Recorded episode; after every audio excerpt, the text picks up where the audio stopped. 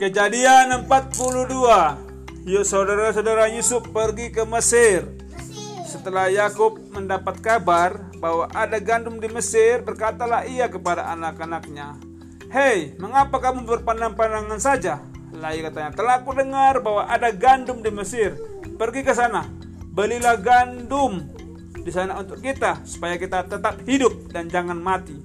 Lalu pergilah 10 orang saudara Yusuf untuk membeli gandum di Mesir tetapi Yakub tidak membiarkan Benyamin adik Yusuf pergi bersama-sama dengan saudaranya. Sebab pikirnya, jangan-jangan dia timpa kecelakaan nanti.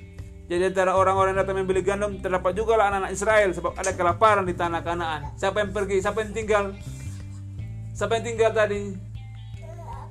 Oh, kan nggak dengar kan? Siapa yang tinggal di rumahnya?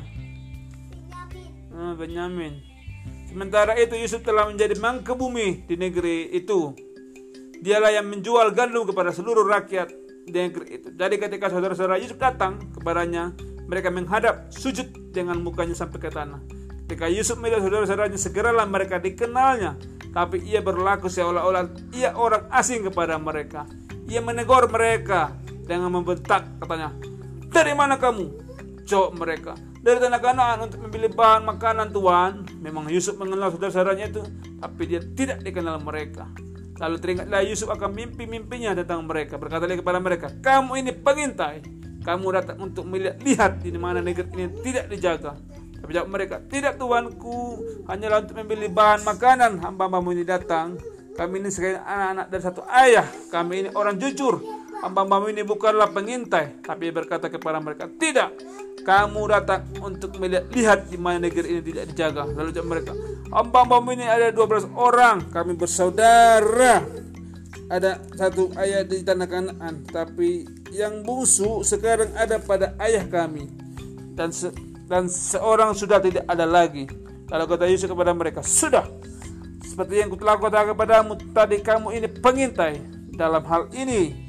Dalam hal ini juga kamu harus diuji demi hidup Firaun kamu tidak akan pergi dari sini jika saudara-saudaramu yang bungsu itu tidak datang kemari suruhlah seorang daripada untuk menjemput adikmu. Tapi kamu ini harus tinggal terkurung di sini. Dengan demikian perkataannya dapat diuji apakah benar. Dan jika tidak demi hidup Firaun sungguh-sungguhlah kamu ini pengintai. Dan dimasukkanlah mereka bersama-sama dalam tahanan. Tiga hari lamanya. Berapa hari ditahan mereka? Tiga hari. Pada hari yang ketiga berkatalah Yesus kepada mereka, Buatlah begini, maka kamu akan tetap hidup. Aku takut akan Allah. Jika kamu orang jujur, biarkanlah dari saudara-saudaramu tinggal seorang terkurung dalam rumah tahanan. Tapi pergilah kamu, bawalah gandum untuk meredakan lapar seisi rumahmu. Tapi saudaramu yang bungsu itu haruslah kamu bawa kepadaku, supaya perkataanmu itu ternyata benar, dan kamu jangan mati. Demikian perbuatan mereka, mereka berkata pada yang lain, betul-betullah kita menanggung akibat dosa kita terhadap adik kita itu bukankah kita melihat bagaimana sesak hatinya ketika ia memohon belas kasihan kepada kita tapi kita tidak mendengarkan permohonannya itu sebabnya kesesakan ini menimpa kita Lalu Ruben menjawab mereka, Bukankah dahulu kukatakan kepadamu, Jangan kamu berbuat dosa terhadap anak itu. Tapi kamu tidak mendengarkan perkataanku. Sekarang darahnya dituntut daripada kita. Tapi mereka tidak tahu bahwa Yusuf mengerti perkataan mereka.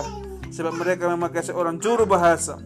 Maka Yusuf mengundurkan diri dari mereka lalu menangis.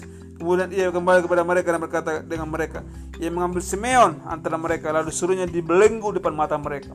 Sesudah itu Yusuf memerintahkan bahwa tempat gandum mereka akan diisi dengan gandum dan bahwa uang mereka masing-masing akan dikembalikan ke dalam karungnya serta bekal mereka di jalan akan diberikan kepada mereka. Demikian dilakukan orang-orang kepada mereka.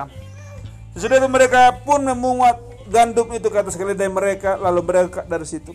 Ketika seorang membuka karungnya, memberi makan keledainya di tempat bermalam, tidak nyala ada uang di dalam mulut karungnya. Ada apa? Ada uang. Dengarkan bagus-bagus dulu Noel. Noel. Katanya kepada saudaranya, uangku dikembalikan, lihat. ada dalam karungku. Lalu mereka menjadi tawar dan mereka berpandang-pandangan. Mereka gemetar. Apakah yang diperbuat Allah terhadap kita? Ketika mereka sampai kepada Yakub ayah mereka tanah kanan mereka menceritakan segala sesuatu dialaminya. Katanya, orang itu yang ini yang menjadi tua dan negeri telah menegur kami dengan membentak, memberong kami sebagai pengintai.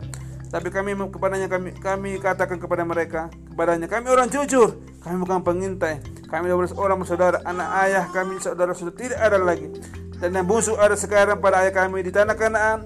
Lalu kata orang itu, yakni menjadi tuan atas negeri itu kepada kami dari hal itu yang akan tahu apakah kamu orang jujur. Dari kamu bersaudara haruslah kamu tinggal seorang padaku. Kemudian bawalah gandum, mereka akan lapar serumah dan pergilah. Lalu bawalah dengarkan Noel. Lalu bawalah aku saudaramu saudaramu yang bungsu itu maka aku akan tahu bahwa kamu bukan pengintai tapi orang jujur dan aku akan mengembalikan kepadamu dan ke saudaramu kepada bolehlah kamu menjalani negeri ini dengan bebas ketika mereka mengosongkan karungnya tampaklah ada pundi-pundi uang masih dalam karungnya dan ketika mereka berkata ayah mereka bilang pundi uang itu ketakutanlah mereka apa yang apa yang tinggal lagi apa pundi uang tinggal dan Yakub ayah mereka berkata kepadanya, kamu membuat aku kehilangan anak-anakku Yusuf. Tidak ada lagi Simeon, tidak ada lagi. Sekarang Benyamin pun hendak kamu bawa. Aku inilah yang menanggung segala-galanya itu. Lalu berkatalah Ruben kepadanya, kedua anakku laki-laki boleh engkau bunuh jika ia tidak kubawa kepadamu. Sedangkanlah dia ke dalam tanganku, maka dia akan kubawa kembali kepadamu. Tapi jawabnya, anakku itu tidak akan pergi ke sana bersama-sama dengan kamu.